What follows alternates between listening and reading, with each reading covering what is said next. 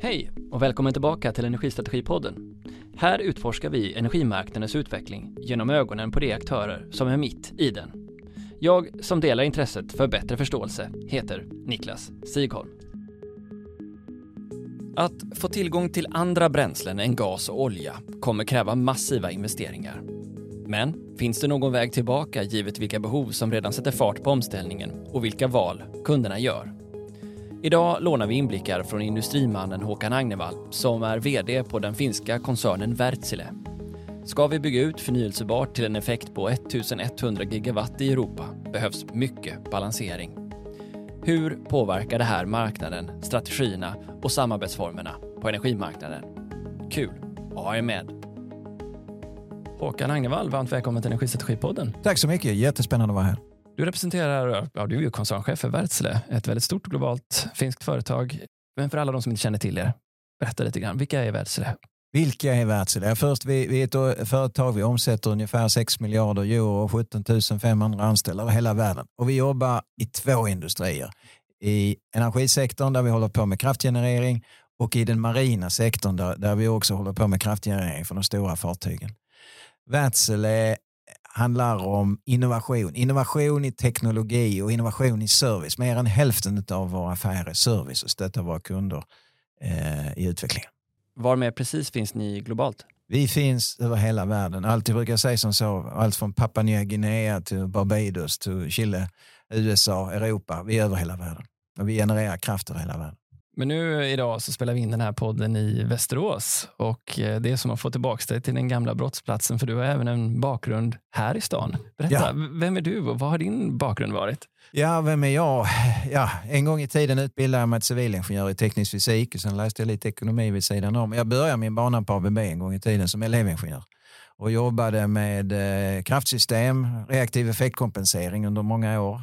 Som, som ingenjör, som programmerare, igångkörare, som som eh, säljingenjör, som eh, projektledare och, och så vidare. Och, eh, sen har jag även eh, jobbat på robotverksamheten och, och, och var, var sajtchef för, för verksamhet i, i, i Västerås. Eh, Bombardier också, eh, ansvarig för verksamheten i Västerås under, under ett antal år. Eh, så jag har ju en, en, en, en, lång historia i, i Västerås. Det är roligt att vara tillbaka. Jag tycker det är spännande att, att hålla kontakt med, med, med folk från Västerås tid. Men och sen gick resan till Göteborg, ja. där du var också i åtta år som vd på Volvo Bussar bland annat. Ja, vd för, för bussar. Och, och det var en väldigt spännande resa, för vi var ju en av pionjärerna inom elektriska bussar. Och eh, där eh, vi Eh, tillsammans med, med kinesiska konkurrenter var de som tog de första stegen. Och för att vara med den resan, jag kommer ihåg när vi introducerade våra elektriska teknologier så var det många som, som pratade om gas och väldigt starkt fokus på biogas. Och man ifrågasatte elsatsningen och, och nu ett antal år senare så, så eh, har ju elen ett otroligt starkt genomslag inom, inom kollektivtrafiken och, och bussar. Så, att säga. så det har varit en spännande resa. Ja, om du var tidigt inne i robotics och du jobbade med eh, elbussar på, eh, på Volvo och nu är inne i energi, det som ju Wärtsilä är mitt inne i den gröna omställningen så har du en lång erfarenhet av att jobba just med teknikskiften. Ja, ja det, har, det var spännande. Alltså man kan säga det finns väl några tema i, i, min bana så att säga. Va? Ett tema att jag har jobbat eh, med transformationer och, och, och, och, och turnarounds också, alltså när man har haft finansiella problem. Och jag har sökt mig till de situationerna. Jag har alltid tyckt det var spännande. Man investerar mycket av sig själv och sin tid och energi. Men det ger i regel väldigt mycket tillbaka. Att komma tillsammans i ett team och, och, och utveckla och transformera, vända en verksamhet. It's a bit bigger than life sometimes. Huh? Och andra temat är väl att jag har haft förmånen att, att, att bo och verka eh, i olika delar av världen. I mean, Nord och Sydamerika, Asien och, och, ett antal ställen i Europa. Så just det här att, att att göra affärer och, och, och i, i, olika kulturer och, och serva kunder i olika kulturer. Det är väl ett andra tema. Och så det tredje temat. Det är just det här att, att jag har haft förmånen att leda verksamhet med mycket teknikinnehåll. Jag själv tycker personligen just den här skärningen mellan teknik, människor och, och samhälle, den tycker jag är oerhört spännande. Eh, och det är ett av huvudskälen varför jag, när jag fick den här fantastiska möjligheten att, att leda Wärtsilä som jag tyckte, som jag hoppade på så att säga. Va? Därför att det kommer hända mer eh, i våra två industrier, den marina industrin och, och energiindustrin, de eh, närmsta tio åren jämfört med de föregående, ja, vad ska vi säga, 30-40 åren. Och, och allting kan man säga rör sig runt dekarboniseringen. Eh, eh och vilket jag tycker är spännande, för då får man också en, en möjlighet att, att, att, att jobba med en av de eh, viktigaste frågorna i vår samtid. När jag tänker på Wärtsilä så tänker jag på väldigt stora dieselmotorer. Jag mm. tänker ju på shipping. Ja. Eh, ni är en av världsledarna när det gäller att göra marina motorer. Hur kommer det sig? Alltså det, eh, Wärtsilä har ju en, en, lång, en lång historia. Vi går tillbaka till 1834 och, och, och började inom, inom skogs och sågverksindustrin, sen stålindustrin, sen blev vi ett industrikonglomerat och under den tiden så kom vi in i varvsindustrin och vi byggde båtar och hade varv i Finland. Och då, då började vi med motorer. Och, och, och sen har ju då verksamheten renodlats steg för steg. Så idag så kan man ju säga att huvudfokuset är just runt förbränningsmotorer. Eh, idag så bränner vi fossila bränslen. Eh, vi är alla redan redo med vår teknologi för de koldioxidneutrala bränslena som, som biometan eller, eller metanol. Och det vi håller på att utveckla nu är förbränningsmotorer för, för de koldioxidfria bränslena. Så det handlar om ammoniak och, och vätgas. Vi har tidigare i podden haft med aktörer som går in i det, att, att eh, producera e-bränslen för Marine, Liquid Wind, ett sånt exempel. Örstedt rör sig in. Det är flera aktörer som gör in detta. Och, och det är också en stor koldioxidutsläppare globalt. Är den globala shippingen på väg in mot en en, ett teknikskifte här. Vad är, vad är din spaning? Ja, absolut. Vi brukar säga som så att om man tittar på energisektorn så står den väl för en, en tredjedel av världens CO2-utsläpp. Och den marina industrin står för ungefär ett par, tre procent. Så om man lägger ihop det, det är 35 procent. Så vi brukar säga att Wärtsilä, vi, vi, vi är en del av problemet, men vi är också en del av framtiden för dryga en tredjedel av världens koldioxidutsläpp. Och om vi då zoomar in på, på, på den marina industrin som är en konservativ industri, som är en, en industri som rör sig långsamt, så är det en industri som är på väg in i en signifikant förändring. Det kommer att hända väldigt mycket de kommande tio åren. Eh, och det drivs eh, dels utav eh, regleringar. IMO som är den stora världsomspännande organisationen eh, som reglerar sjöfarten den rör sig långsamt, men den eh, kommer ut, har kommit ut i år och kommer komma ut med ytterligare regleringar som kommer att göra att fartygsoperatör, fartygsägare måste år från år reducera eh, CO2-utsläppen ifrån sina fartyg. Så det finns en, en, en krafter som drivs av, av, av det regulatoriska, men sen finns det också en liten men växande marknad av gröna transporter. Och det är ofta eh, konsumentföretag, det börjar där med Ikea, Nike, som, som vill ha gröna transporter som en del av deras gröna erbjudande till oss som konsumenter. Men det är också många industriföretag som har, och vi är ett av dem, som har gjort eh, eh, åtaganden att reducera vår egen eh, CO2-footprint eh, scientific targets, det finns ju en hel uppsjö olika. Och när man gör de analyserna och sedan går från analys till handling så, så går man ju igenom sin värdekedja och i den värdekedjan så finns det transporter både på till sjöss och till lands. Och, och, när vi pratar med våra, några av våra stora kunder så ser de ju en liten men växande marknad för, för gröna transporter som är marknadsdrivna. Då.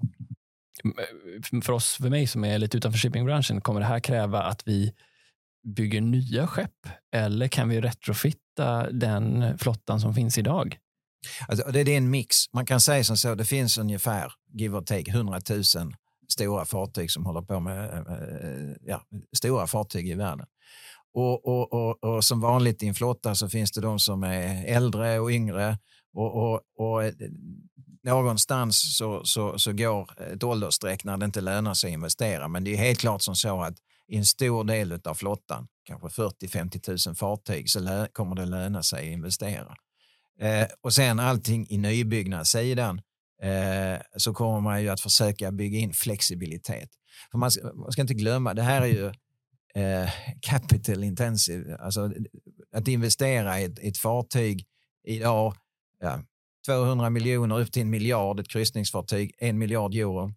Eh, och, och, livstiden, förväntad livstid är ju 30 år. Eh, och, och, vad han inte vill hamna i det är ju stranded assets. Eh, och därför så blir det liksom, när man nu sitter i en nybyggnadssituation, oerhört strategiska beslut som inte fattas av ingenjörsavdelningen eller operationella avdelningen, utan det här blir även en, en fråga för ledningsgrupp, vd och styrelse. Vilken väg ska man gå? Därför att de fartyg man eh, beställer idag, de kommer ju leva i 30 år och under den här 30-årsperioden så kommer den här transitionen ske. Så vi, vi ser nu hur, hur, hur dynamiken runt fartygsägare och operatörer ändras. Eh, där vi, där vi har en, från Wärtsiläs sida vi har en dialog med dem. Vad är rätt lösning för, för, för, för, min, för din applikation eh, beroende på var du opererar? För, för det finns en sanning i allt det här, skulle jag vilja säga. Om vi tar det på engelska, för det, det låter lite bättre då. Green is not black or white. There are no single simple solutions. Det finns inga enkla eh, eh, one size fits for all solutions, utan man, vi kommer att behöva anpassa lösningarna efter vad man opererar och, hur, och, och vilka applikationer man opererar. Och en grundläggande budskap är också att vi kommer att behöva använda i princip alla teknologier som står till buds. Ja, för batterier kommer in i det här batterier också. Batterier kommer in, vi kan prata mer om det. Men vi kommer behöva använda alla lösningar för att överhuvudtaget ha en chans att komma i närheten av en del av de klimatmål som vi har satt på en, på en global nivå. Så det handlar om olika typer. För det första kommer de fossila bränslena finnas kvar väldigt länge. Men sen kommer då koldioxidneutrala och koldioxidfria bränsle, men också batterier med hybriddrifter. Eh, en del rena batterilösningar, men det är på mindre fartyg för att ta för mycket plats. Eh, carbon capture, att fånga in, kommer också komma med stor sannolikhet. Så det kommer att finnas många lösningar. Men ehm, för, för hamnarna i Sverige, det är säkert så i Finland och på många ställen, funderar ju nu på hur, hur man ska försörja den flottan som kommer in med hybridlösningar och som kommer kräva mycket mer el. Eh, och det saknas ofta infrastruktur. Jag antar att det här är ganska komplexa och trögrörliga supply chains att flytta på. Hur, vad är bottlenecks? Vad är det svåra? Alltså, många hamnar i världen, för det första, det, det finns ju ett EU-direktiv och, och, och, hamnar måste bygga ut sin elektriska infrastruktur för man måste kunna ladda båtarna när de är, eh, alltså, ligger vid hamnen så att säga. Och problemet är att många hamnar har ju en, en, en för liten ledning in, alltså om vi får uttrycka oss på det viset. Va? Och, och, det vet vi ju alla, alltså det är inte bara i Sverige som det är en utmaning att, att bygga ut infrastrukturen och få fram mer effekt. Och, och, och, därför så tror vi ju att en av lösningarna, återigen det kommer inte finnas bara en lösning men flera, men en av lösningarna är faktiskt att man, man använder batterier, alltså litiumbatterier för intermediate storage. För då kan du liksom tanka ner i batteriet 24-7 och så laddar du ut under några timmar så att säga. Väldigt enkel princip. Men, men eh, det finns mycket på infrastruktursidan i Sverige men över hela Europa. Om vi tar, för ni är ju stora också inom kraft och hela kraftproduktionssidan. Vad gör ni där och hur ser era produkter ut? Så vi, vi håller på med kraftgenerering. Vi bygger alltså eh, eh termiska eh, kraftverk så att säga. Eh, och vi levererar eh, batterilagring baserat på, på litiumjonbatterier. Vi är en av världens fem största spelare på, på litiumjonbatterier. Det är Tesla, som vi känner, bilföretag, men de håller på på energisidan också. Det är Fluence som är en spin-out från Siemens. Sen är det vi i Wärtsilä och sen så finns det en del andra. Och sen finns det en, en, en, ett stort, en stor samling av, av, av företag. Så vi, och om vi tittar på, jag skulle vilja säga vad vi gör på energisidan. Vi levererar viss eh, basgenerering eh, eller eh, så. Men det stora tillväxtområdet är ju balanseringskraft. Och det drivs ju då utav eh, skiftet till förnybar kraft. Därför att om vi, om vi släpper blicken lite från, från Sverige eller från Norden, där, där vi har egentligen en fantastisk situation med mycket vattenkraft och, och kärnkraft, eh, och tittar globalt så handlar ju framtidens eh, resa om att gå från stora koleldade eh, gasturbinkraftverk till vind och sol. Eh, vind och sol är eh, energislaget med lägst energikostnad. Och energi, sol är, äh, energi och vind är bra, men de är intermittenta. Solen skiner inte alltid, vinden blåser inte alltid och då behöver man balanseringskraft för att, att kraftsystemet ska vara stabilt. Och det är där våra lösningar kommer in. Där kommer våra motorer in. Idag går de fossilt på gas, imorgon går de på gröna bränslen. Eh, eh, och våra batterilösningar. Och, och de termiska och, och eh, lösningarna och, och batterilösningar, de kompletterar varandra. De, de, de, man kan säga, de eh, levererar till, i olika tidsdomäner. Så att säga. Och vi håller ju på då med, om jag uttrycker lite enkelt, med kolvmaskiner. Det finns ju gasturbiner, det finns kolvmaskiner. Eh, den termiska effektiviteten på, på, eh, på kolvmaskinerna är minst lika bra, om inte bättre, än gasturbinerna. Och den stora fördelen med, med kolvmaskinerna det är ju att man kan rampa upp kraft väldigt snabbt. Och man kan rampa upp och rampa ner frekvent. Och det mår gasturbinteknologin inte alltid så bra utav. Det är därför vi ser ju att, att, att eh, liksom, eh, balanseringskraftverk byggda på motorer eh, är en, en, en av de stora balanseringslösningarna framöver. Och det är alltså, en annan stor lösning är ju då eh, batterilösningen. Ja, för när ni räknade på det här så gick ni ut och sa att det krävs 1100 gigawatt ny förnybar kraft i Europa fram till 2030. Och bara om man tittar, eller om man tittar över ett år så är då diffen i vad det skulle innebära i form av från lägsta till högsta tillgång till den kraften så mycket som 500 gigawatt som då behövs i form av balansering. Och där var du ute och så sa du att ja, men marknaden är inte anpassade för det här idag. Vad menade du med det? Alltså det eh, man har inte skapat eh, en, en prissättningsmekanism för den här balanseringskraften. Och, och, det behövs ju. Man måste kunna sätta ett pris på balanseringskraften. För det, den, finns ju, den finns ju där i bakgrunden, och den använd, men den används ju inte hela tiden. Alltså normalt sett så kanske man pratar balanseringskraft. Om du har 8000 timmar lite mer på ett år så kanske du balanseringskraft kör du ett par eh, tusen, tre tusen timmar om året och du, du kör upp och ner så att säga. Och då, och då kan man inte prissätta den kraften på samma sätt som en, en, en kraft som, som går steady state och är stabil hela tiden. Ett annat kapacitetsutnyttjande. Ja. Korrekt. Mm. Så man behöver skapa marknadsprinciper för det. Och det, och det är ju en, en, en av de eh, saker som vi försöker påverka nu när EU gör sin stora eh, energimarknadsreform. Så att säga. Och det, det viktiga är ju här att, att, att vi inser att skiftet kommer att vara starkt till vind och sol. Men vi måste ha balanseringskraften. Alltså det är, eh, som jag brukar säga, it's the laws of physics. It's not Wärtsilä marketing. Det finns ju två spår här nästan inom en, i politiken. Det finns de som tror att det krävs balansering i sättet som du producerar energin. Att du ja, kan kalla det nu då för enkelhetens skull planerbara kraftslag, eh, vattenkraften, kärnkraften och att det kommer behövas som ett fundament. Och så finns det den andra sidan då som säger att ja, men det kommer gå utmärkt att ha den här vind och sol, men då behöver vi också ha pumped hydro eller eh, vattenpumpkraft och andra storskaliga batterier och den här typen av motorer, då, gas eller kolvmotorer. Vad är din utblick? Vad tror, vad, vad tror du från din horisont att eh, det kommer utvecklas mot? Alltså, stora gasturbin och ångturbiner ska man köra eh, liksom konstant. De, de, är, de är oerhört effekt, där de är effektivast, det är ju eh, när de ligger i en stabil punkt eh, och, och kör hela tiden. Du kan inte använda ett kärnkraftverk för balanseringskraft.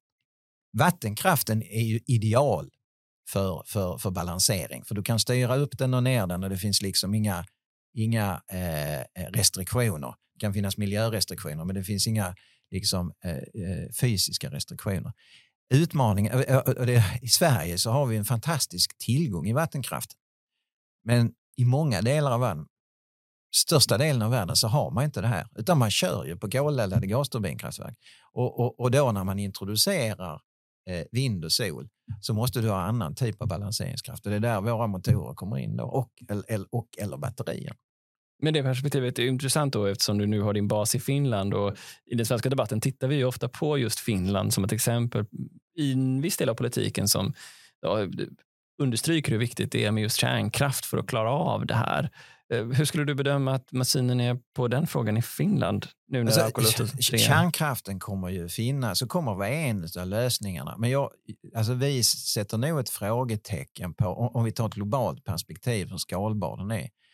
Det finns en del faktorer. Ett, kostnaden. Det är ingen billig kraft.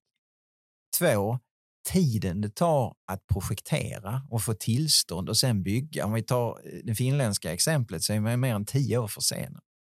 Olkiluoto 3. och även med small scale nuclear reactors, alltså SMR som är så populära, så, så teknologin är fortfarande i utveckling. Man kommer säkert få den på plats. Men jag skulle säga tillståndsprocessen och få det hela på plats och kostnaden per kilowattimme gör, kommer att begränsa. Alltså, alltså sen finns det en del länder, Tyskland, eh, finns det ju en stor politisk eh, debatt om säkerhetsfrågan vilket gör att den, den inte kommer att vara gångbar i, definitivt i vissa länder. Kärnkraften kommer att vara där, men det kommer inte vara the solution. Men eh, det som ju kom nu från den Europeiska kommissionen i Repower-paketet var egentligen tre olika beståndsdelar där just den här marknadsregulatoriska frågan var en av dem. Där det fanns en slagsida i början av debatten som sen förändrades, eh, som var mer bilateralt driven, där man skulle kunna, ja, till och med ner på konsumentnivå, säkra sig genom PPA-kontrakt. Vad är, vad är er syn på kommissionens arbete där? Ja, alltså, jag tror för det första att kommissionen har en grannlaga uppgift. Jag tror man får ha respekt för det, så att säga. för det, det här är en, är, är en komplex eh, fråga. Eh, jag tror att vad som är väldigt viktigt i energitransitionen mot, mot eh, förnybar energi är tillståndsfrågan. Jag tror faktiskt det är där man ska fokusera. För att i Sverige, Finland, i hela Europa, det som verkligen håller oss tillbaka i skiftet, det är ju tillståndsfrågan. Att få tillstånd att bygga nya eh, vindkraftverk eller solkraftverk. Eh, och det är ju en politisk fråga. Och, och, här vet vi att EU försöker sätta ett ramverk för att tvinga medlemsländerna att accelerera och det där kommer ju skapa spänningar. Men så det tror jag, alltså, ur, ur ett re, regleringsperspektiv är den absolut viktigaste frågan. Det är att vi måste ge tillstånd till, till renewals. Alltså, vi får komma ifrån lite det här att, att alla vill ha grön kraft men inte på min bakgata. Alltså, och, och, och det, är ju en, det är ju en, kan ju vara en, en smärtsam resa, men det är en resa vi måste ta, för vi kan inte båda äta kakan och ha den kvar. Så om jag lyfter tillbaka till det här marknadspaketet så är ju en, en kritiken mot var ju att det finns en, en viktig funktion i att ha marginalprissättning på marknaden också. Eh, men ändå också det du, det du tycks vilja lägga till är ju en kapacitetsmarknad som är som är också, också kräver någon form av tanke om vad värdet på flexibilitet är kontra marginalprissättningen. Eh, hur skulle det där fungera som du ser det? Alltså du, eh, du, behöver ha en, en, en separat prissättningsmekanism för eh, den flexibla kraften. Det måste, alltså kilowattimmen, eller så här, kilowatten, inte kilowatt, kilowatten måste prissättas eh, baserad på är den allokerad för flexibilitet så måste den prissättas separat i en separat marknad för flexibilitet. Och det, och det, alltså det är inte så att nationalekonomerna behöver hitta på några nya ramverk. Japan har introducerat, UK har också delar av en, en sådan marknad. Så de här prissättningsmekanismerna de finns ju, men det är det att vi måste implementera dem i Europa. Ja, SVK kommer ju med ett sånt här förslag i Sverige om en kapacitetsmarknad som man skulle löpa över en fem, åtta år och som kanske kunde introduceras i Sverige i slutet på 20-talet. Ehm, ser, du, ser ni den här utvecklingen hos TSO runt om i Europa? Ehm, är det många länder som går i liknande tankar? Det är många som går i liknande tankar, men det tar, det tar väldigt lång tid. Och, man måste accelerera. Jag tror att många länder, det, det är lite som, som Sverige också, vi är vana av att ha stabila kraftsystem. Vi kommer från en lång historia och, och, Det som har hänt på sistone ur ett kontinentalt europeiskt perspektiv är att gaspriserna har ju varit väldigt höga, vilket har chockat alla. Och, vår syn att de kommer förmodligen vara volatila. Priserna kommer ner, men de kommer vara volatila över de nästa åren. Så man har inte behövt tänka i de här banorna. En annan element har ju varit att, att tidigare, ja visst det har funnits vind och solkraft, men i, i relation till den termiska generering som varit liten till, till den innebyggda massan i systemet. Men när man skalar upp, och det är först nu man börjar se det, så, så är det ju curtailment. Alltså man, man, du kan ha vindkraft men du får stänga ner den därför att nätet klarar inte av att hantera kraften du kör in. Så jag tror att även där så har man kommit in i ett nytt område och det triggar ju en medvetenhet och en insikt är att vi måste skapa den här kapacitetsmarknaden och den finns.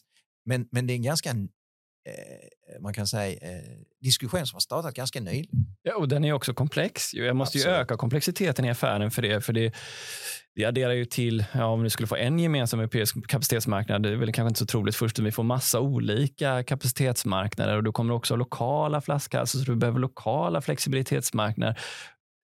Det här ökar ju också, skapar också möjligheter för bolag som er att ni helt plötsligt kan vara på en mängd olika typer av marknader samtidigt som det ökar komplexiteten.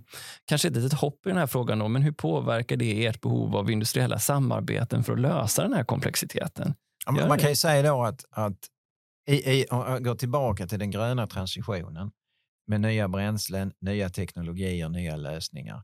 Där är det ju som så att som, Wärtsilä som ett teknologiföretag, vi kan bidra med vår del av ekvationen, eller vår del av pusslet så att säga. Va? Men man ska också inse att vi är en del av ett ekosystem och hela ekosystemet måste eh, utvecklas och röra sig. Om vi tar bränslefrågan, ja, vi kan, våra motorer har vi redo, kommer ha ytterligare teknologier redo, men om det inte finns bränsle, ja. Så, så att få med sig då bränsle, och det är stora investeringar att, att, att producera de nya gröna bränslena, distribuera dem, göra dem tillgängliga. Så samverkan i ekosystemen är oerhört viktigt. Och, jag kan ju säga som så, det påverkar också vårt sätt hur vi agerar.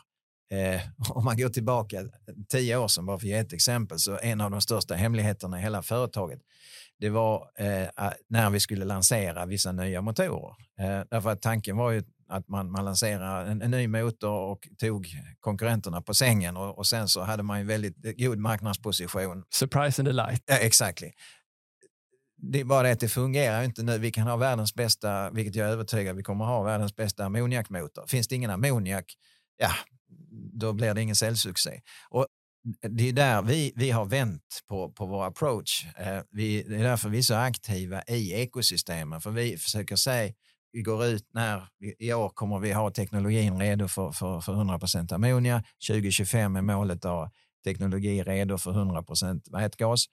Och att vi går ut med det, det är ju för att signalera till de andra spelarna i det ekosystemet. Ja, men här kommer Wärtsilä, har du en del av pusslet på plats. Då, då går ju det in i, i eh, investeringsbeslut och tänket från, från bränsleproducenter. Så att säga. Så det, samverkan är nyckeln i det här. Ja, och då kan jag tänka mig det blir en helt annan approach. Om jag då är den här nyckelspelaren som behöver den här tekniken för er, då kommer jag ju till er och säger hur utvecklar ni den här tekniken och integrerar jag den redan i kanske designfasen av den nya motorn? Yes.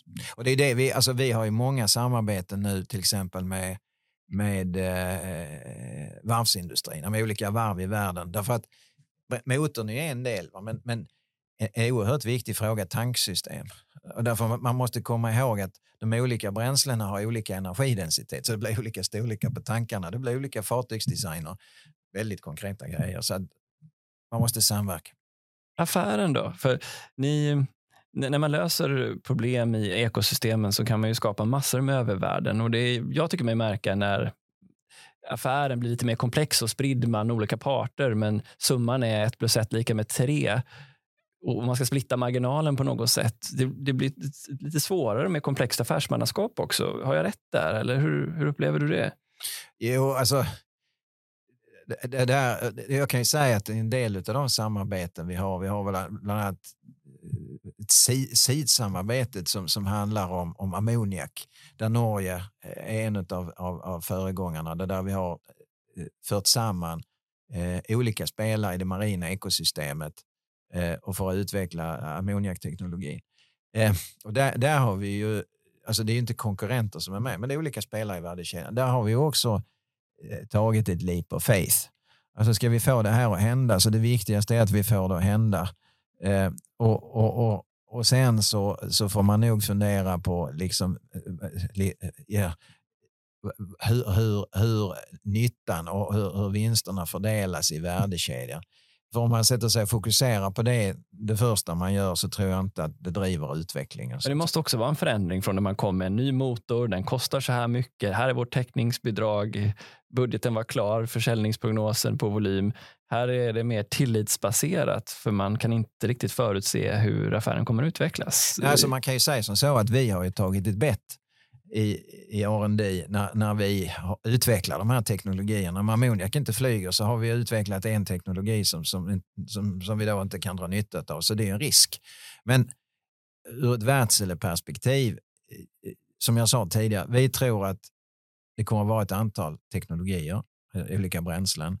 Vi utvecklar motorer i princip för, för alla de bränslena. Det kan vi göra därför att, att vår grundteknologi, alltså förbränningsmotorn, är väldigt flexibel. Eh, och vi har väldigt duktiga människor. Vi har världsledande expertis på området. Så det gör att vi kan ha ett väldigt brett erbjudande eh, eh med, med rimliga R&D-resurser. Men det är helt klart att vi gör väsentliga R&D-investeringar. Sen, sen, så tror jag att eh, om man tittar på den nya gröna teknologin som vi tar fram. det är ju cutting edge technology. Och, och, cutting edge technology gör ju alltid en möjlighet att dra sig från commodity, vilket i, i regel eh, förbättrar vinstmöjligheter etc. Så jag är inte så där överordnat bekymrad över det. Jag tror att eh, den gröna teknologin är definitivt rätt väg för, för den globala utvecklingen, men jag tror också det är rätt väg för Wärtsiläs eh, aktieägare. Just det, men om jag tolkar det rätt då, mer, mer integration och partnerskap i det ekosystemet som man verkar i, tillit som en förutsättning i det ekosystemet för att våga ta risk på varandra så att säga. Ja. Eh, och sen förstå vad ens core kompetens är och lita på att det är det som, som på lång sikt skapar marginaler. Ja. Sammanfattar jag ungefär rätt? Absolut. Mm.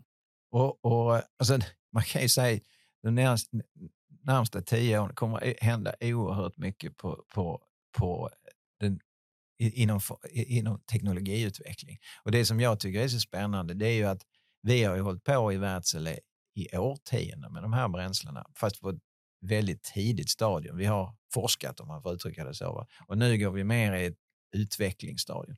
Men det innebär ju att vi, alltså produktutveckling, nu gör vi produkt av det.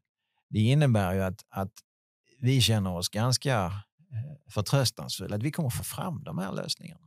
Och, och det tycker vi är oerhört spännande.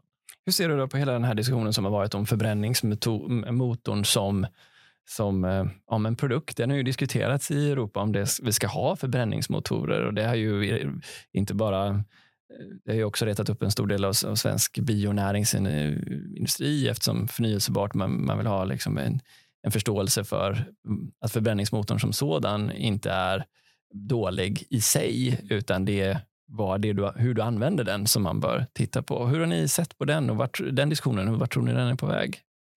Alltså jag, jag, jag tror ju att, att eh, som jag har sagt tidigare, man måste ha en öppen syn på då, att, att vi kommer ha många olika tekniker. En palett. Av en palett av, av, av, olika tekniklösningar.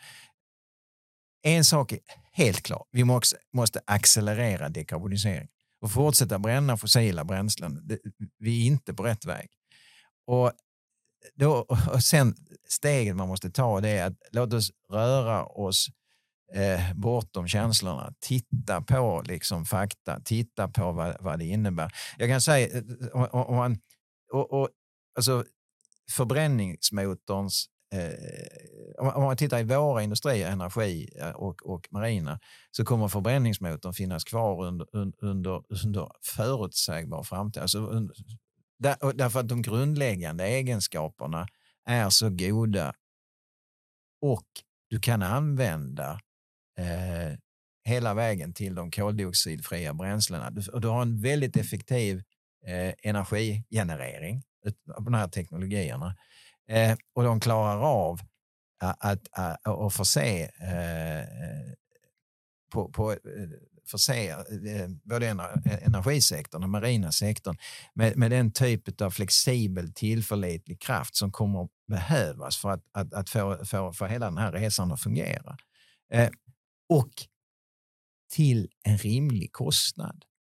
Då är du inne på energitrilemmat igen, att det ska både vara hållbart, det ska vara eh, tillgängligt och det ska vara eh, också möta en kostnadsparitet så 2050 när Europa är, är förnyelsebart förhoppningsvis, då finns det även förbränningsmotorer eh, av olika slag. Ja, det är jag fullständigt övertygad om. Eh, och, och, sen kommer det finnas bränsleceller, eh, det kommer att finnas SMR, det kommer att finnas, det kommer att finnas många teknologier. Men, men eh, förbränningsmotorerna kommer verkligen att vara det.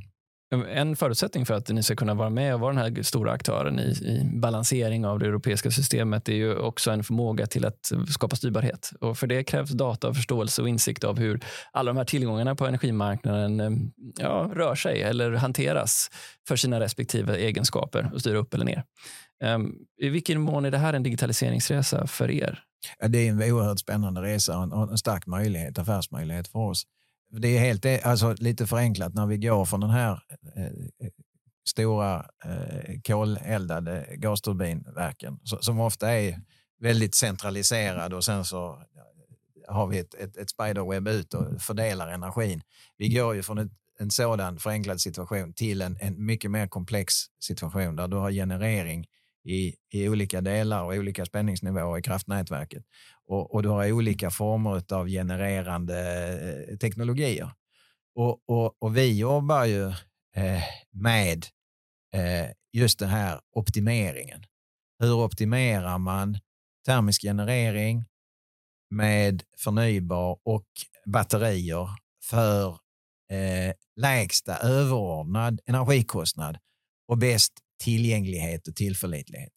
Vi jobbar på, man kan säga på, på microgrid-nivå, alltså vi tar inte det landsomfattande utility, där, där finns det andra spelare, men vi jobbar på de mindre, mindre kraftsystemen. Eh, och, och, och, där skulle jag säga att, att Wärtsilä är en av de ledande spelarna, för vi, vi, har en, vi har en stark kompetens både på generering och på transmissioner som vi kombinerar och som vi sedan använder i, i, i våra digitala plattformar och hur vi kör våra, både våra termiska kraftverk och våra batteriinstallationer. Vad, det finns ju väldigt mycket av den här tekniken som är ja, legacy. Den är inte född i, i, i molnet precis. Mm. Eh, vilken typ av, liksom, och den är styrd också som du säger att vi har kommit från en historia där vi producerar här och konsumerar där och så har det varit en fördelning däremellan som har varit, har kanske mycket manuellt styrd till och med, mm. till att vara en helautomatiserad process. Vad är det för resa som du ser att marknaden har att gå igenom? Har man omfamnat den uppgiften som du ser det? Jag tror ju att vi kommer få mycket mer beslutsstöd. Det är där vi börjar så att säga. Mer intelligent beslutsstöd, det ser vi för våra kunder. Hur, hur man kör ett, ett, ett, ett, kraftverk eller ett mindre kraftsystem. Ofta är det som så att, att uh, operatörer Eh, de har landat i, liksom, ja, så här tycker jag eller tror jag. Men när man då tar in eh, expertstöd som också tittar på väderdata, som också tittar på systemdata, så kan man, ha, kan man fatta mycket bättre beslut. Nästa steg det är ju att man helt automatiserar. Och det är den resa jag tror vi kommer att se. Och när jag säger helt automatiserat så tror jag också, alltså, idag så är det fortfarande relativt eh, eh, intensivt, att, eh, arbetskraftsintensivt att, att operera kraftgenerering. Och, och, där tror jag också vi ser gradvis en utveckling med remote problem solving och diagnostisering och så vidare. Helt enkelt för att sänka kostnaderna på, på kraftgenerering. Hur, hur förändrar det på något sätt hur ni ser på er roll eller del i värdekedjan? För ni kliver ju längre och längre in genom er förmåga att också berätta hur de här produkterna ska användas och styras. Ja, alltså vi, vi, vi kommer inte ha som ambition att, att liksom äga kraftverk och, och liksom eh, energy as a service och det perspektivet. Nej, vi, vi är ju en, en eh, utrustningsleverantör, en tjänsteleverantör. Däremot, var, var vi rör oss, alltså när vi, när vi pratar om vår serviceverksamhet så, så pratar vi om att röra oss för, uppför en servicetrappa. När de olika stegen. Första steget är ju då reservdelar och, och servicetimmar. Andra steget är olika former av eh, serviceavtal, årligt underhåll. Lalala. Eh, sen har du då retrofit, alltså där man, man byter eh, ut gammal teknologi, sätter in ny teknologi. Men sen har du sista steget, performance-based services. Och, och där handlar det om att man tillsammans med kunden ser hur, hur, hur man kör anläggningarna, hur, hur man kan eh, eh, eh, eh operera olika typer av kraftgenereringar. Och där, där vi från Wärtsiläs sida kan, kan gå in och, och ta ansvar för att man genomför förbättringar år efter år som gör att man driver ner bränsleförbrukning och uptime reliability och där man också delar upp och nedsida.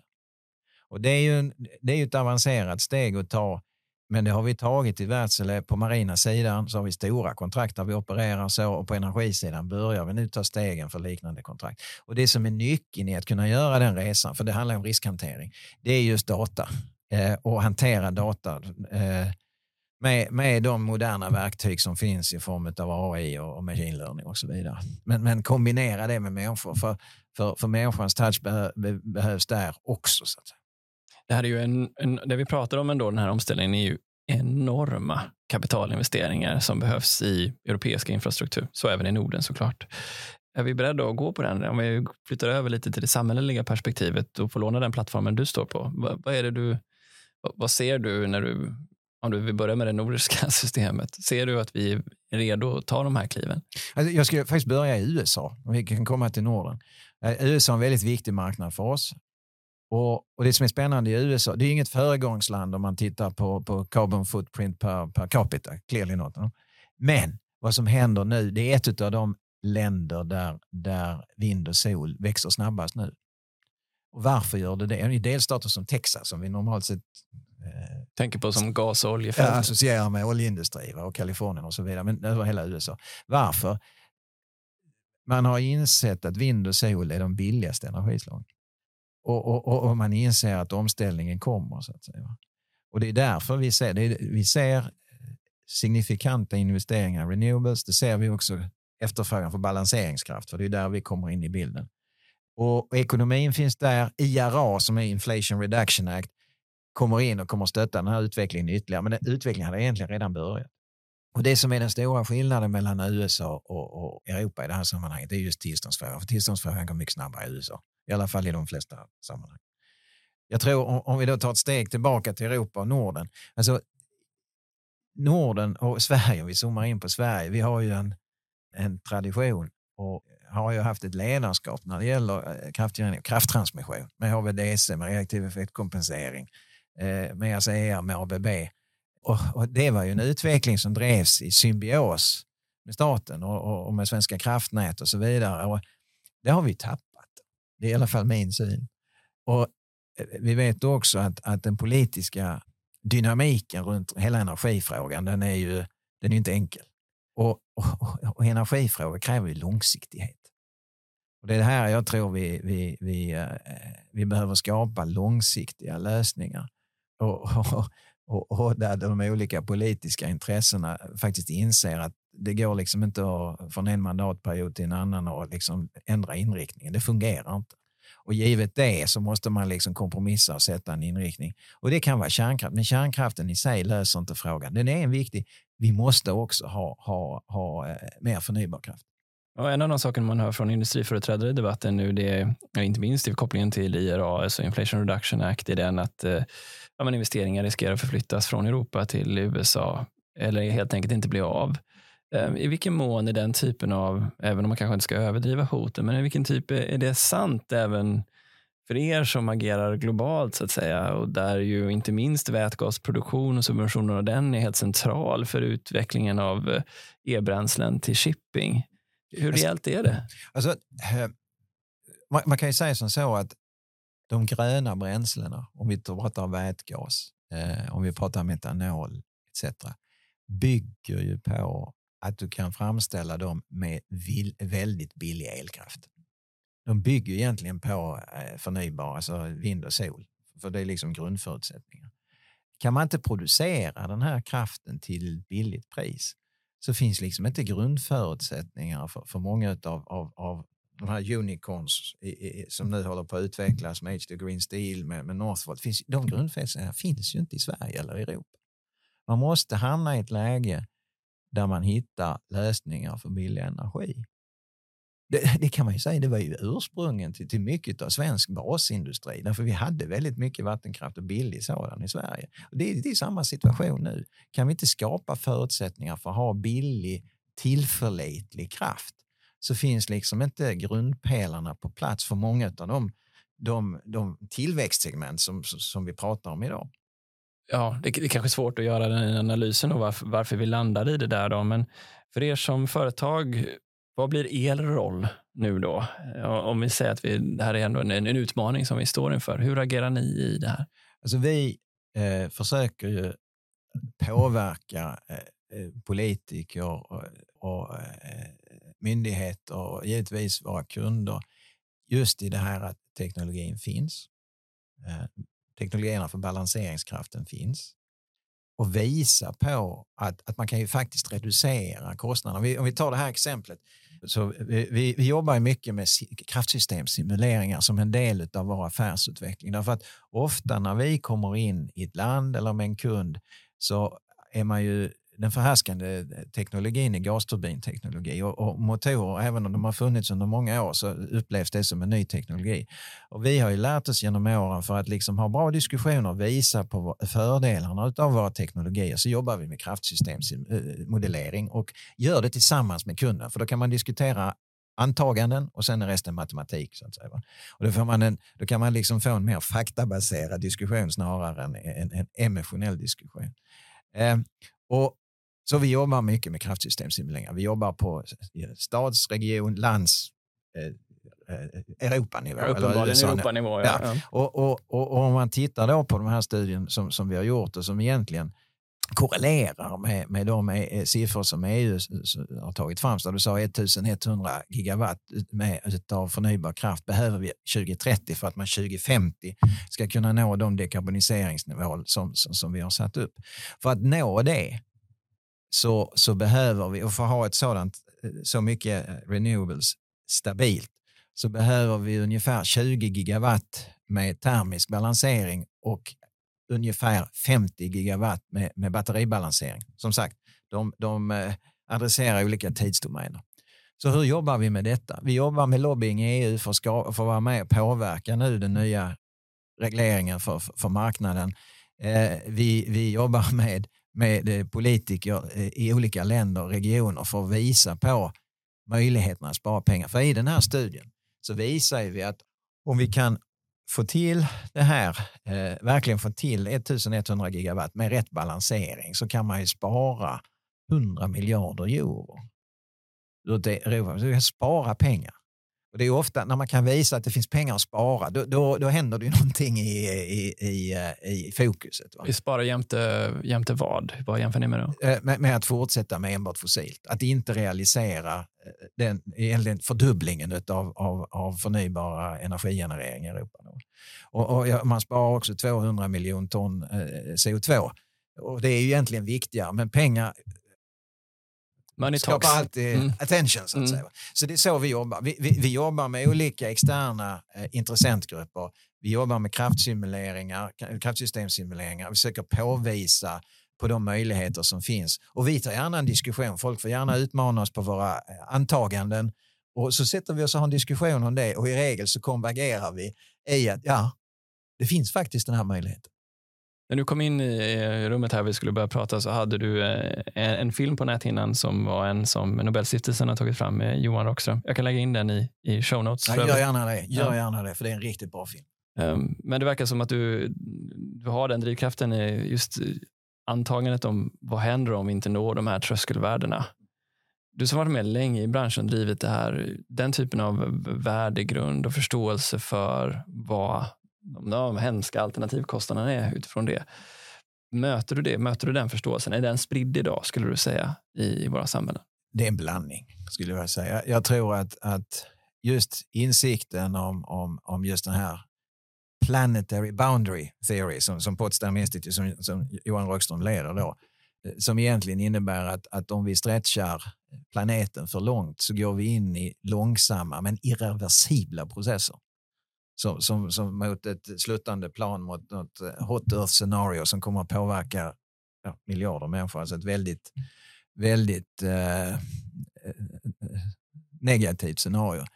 Jag tror att den, den, insikten behöver spridas ännu mer. så att säga. Jag tror, att, alltså jag tror på mänskligheten, men, men problemet är att vi agerar först när vi känner det i vårt eget skinn. Och jag tror att, att tyvärr att, att det kommer ta väl lång tid. Vi kommer att se mycket mer extrema klimathändelser med regn, översvämningar, storm och, och, och mycket mer förstörelse innan vi skapar den politiska viljan, både i Sverige men globalt, att, att verkligen göra de investeringar som behövs och att, att ta de, de steg som behöver tas. Eh, så, så min syn, jag, jag tror att till slut att mänskligheten klarar det, men jag, tyvärr så tror jag att det kan bli sämre innan det blir bättre och vi måste accelerera. Ja, för du kommer ju egentligen i grund och botten med en ganska positiv tekniksyn där du säger att tekniken finns, det, det sparar pengar. Eh, lösningarna finns på plats som du ser det, även för balanseringen i ett system i Europa som består av väldigt mycket mer förnyelsebart. Och, eh, jag, vi pratar ju alltid om ESG, alltså environment, social och, och governance. Och, och, i den här transitionen så låt oss inte underskatta den sociala dimensionen. Jag kan ge ett exempel. Sydafrika, som, som är ett av de länder vi jobbar i. Det är ett land som, som har fantastiska tillgångar på sol och vind, man har hittat en del gas också. Men man kör hela systemet på kol. För man, man, det är därför man kommer. Man har också stora eh, koltillgångar. Och det finns en insikt eh, och en vilja att dekarbonisera och ta stegen med nya teknologier. Men så inser man också att det är över 100 000 människor som jobbar i den sydafrikanska kolindustrin. Och det är de som jobbar direkt. Så du kanske har en miljon människor, kanske mer, som är direkt beroende utav kolindustrin. Och hur ställer du om den? Därför kan man inte skapa framtidshopp, eh, arbetstillfällen och så vidare så hamnar man i en social kris. Och den sociala dimensionen kommer att vara oerhört viktig. Och det, det, är ingen, alltså, det är inte lätt att vara politiker, att managera både den sociala biten och, och energibiten och få det här att gå till, i tandem så att säga i en transition över flera mandatperioder. Det är en utmaning. Men budskapet om att det går resonerar kanske allt mer, eller? Ja, det, det tycker jag. Alltså, jag. Jag tror att insikten hos många att teknologierna faktiskt finns där och vi kan göra det. Den eh, tror jag eh, finns mer och mer. Men jag tror att vi kommer att se mycket mer diskussion, och de behöver vi ha, om just det här med tillstånd.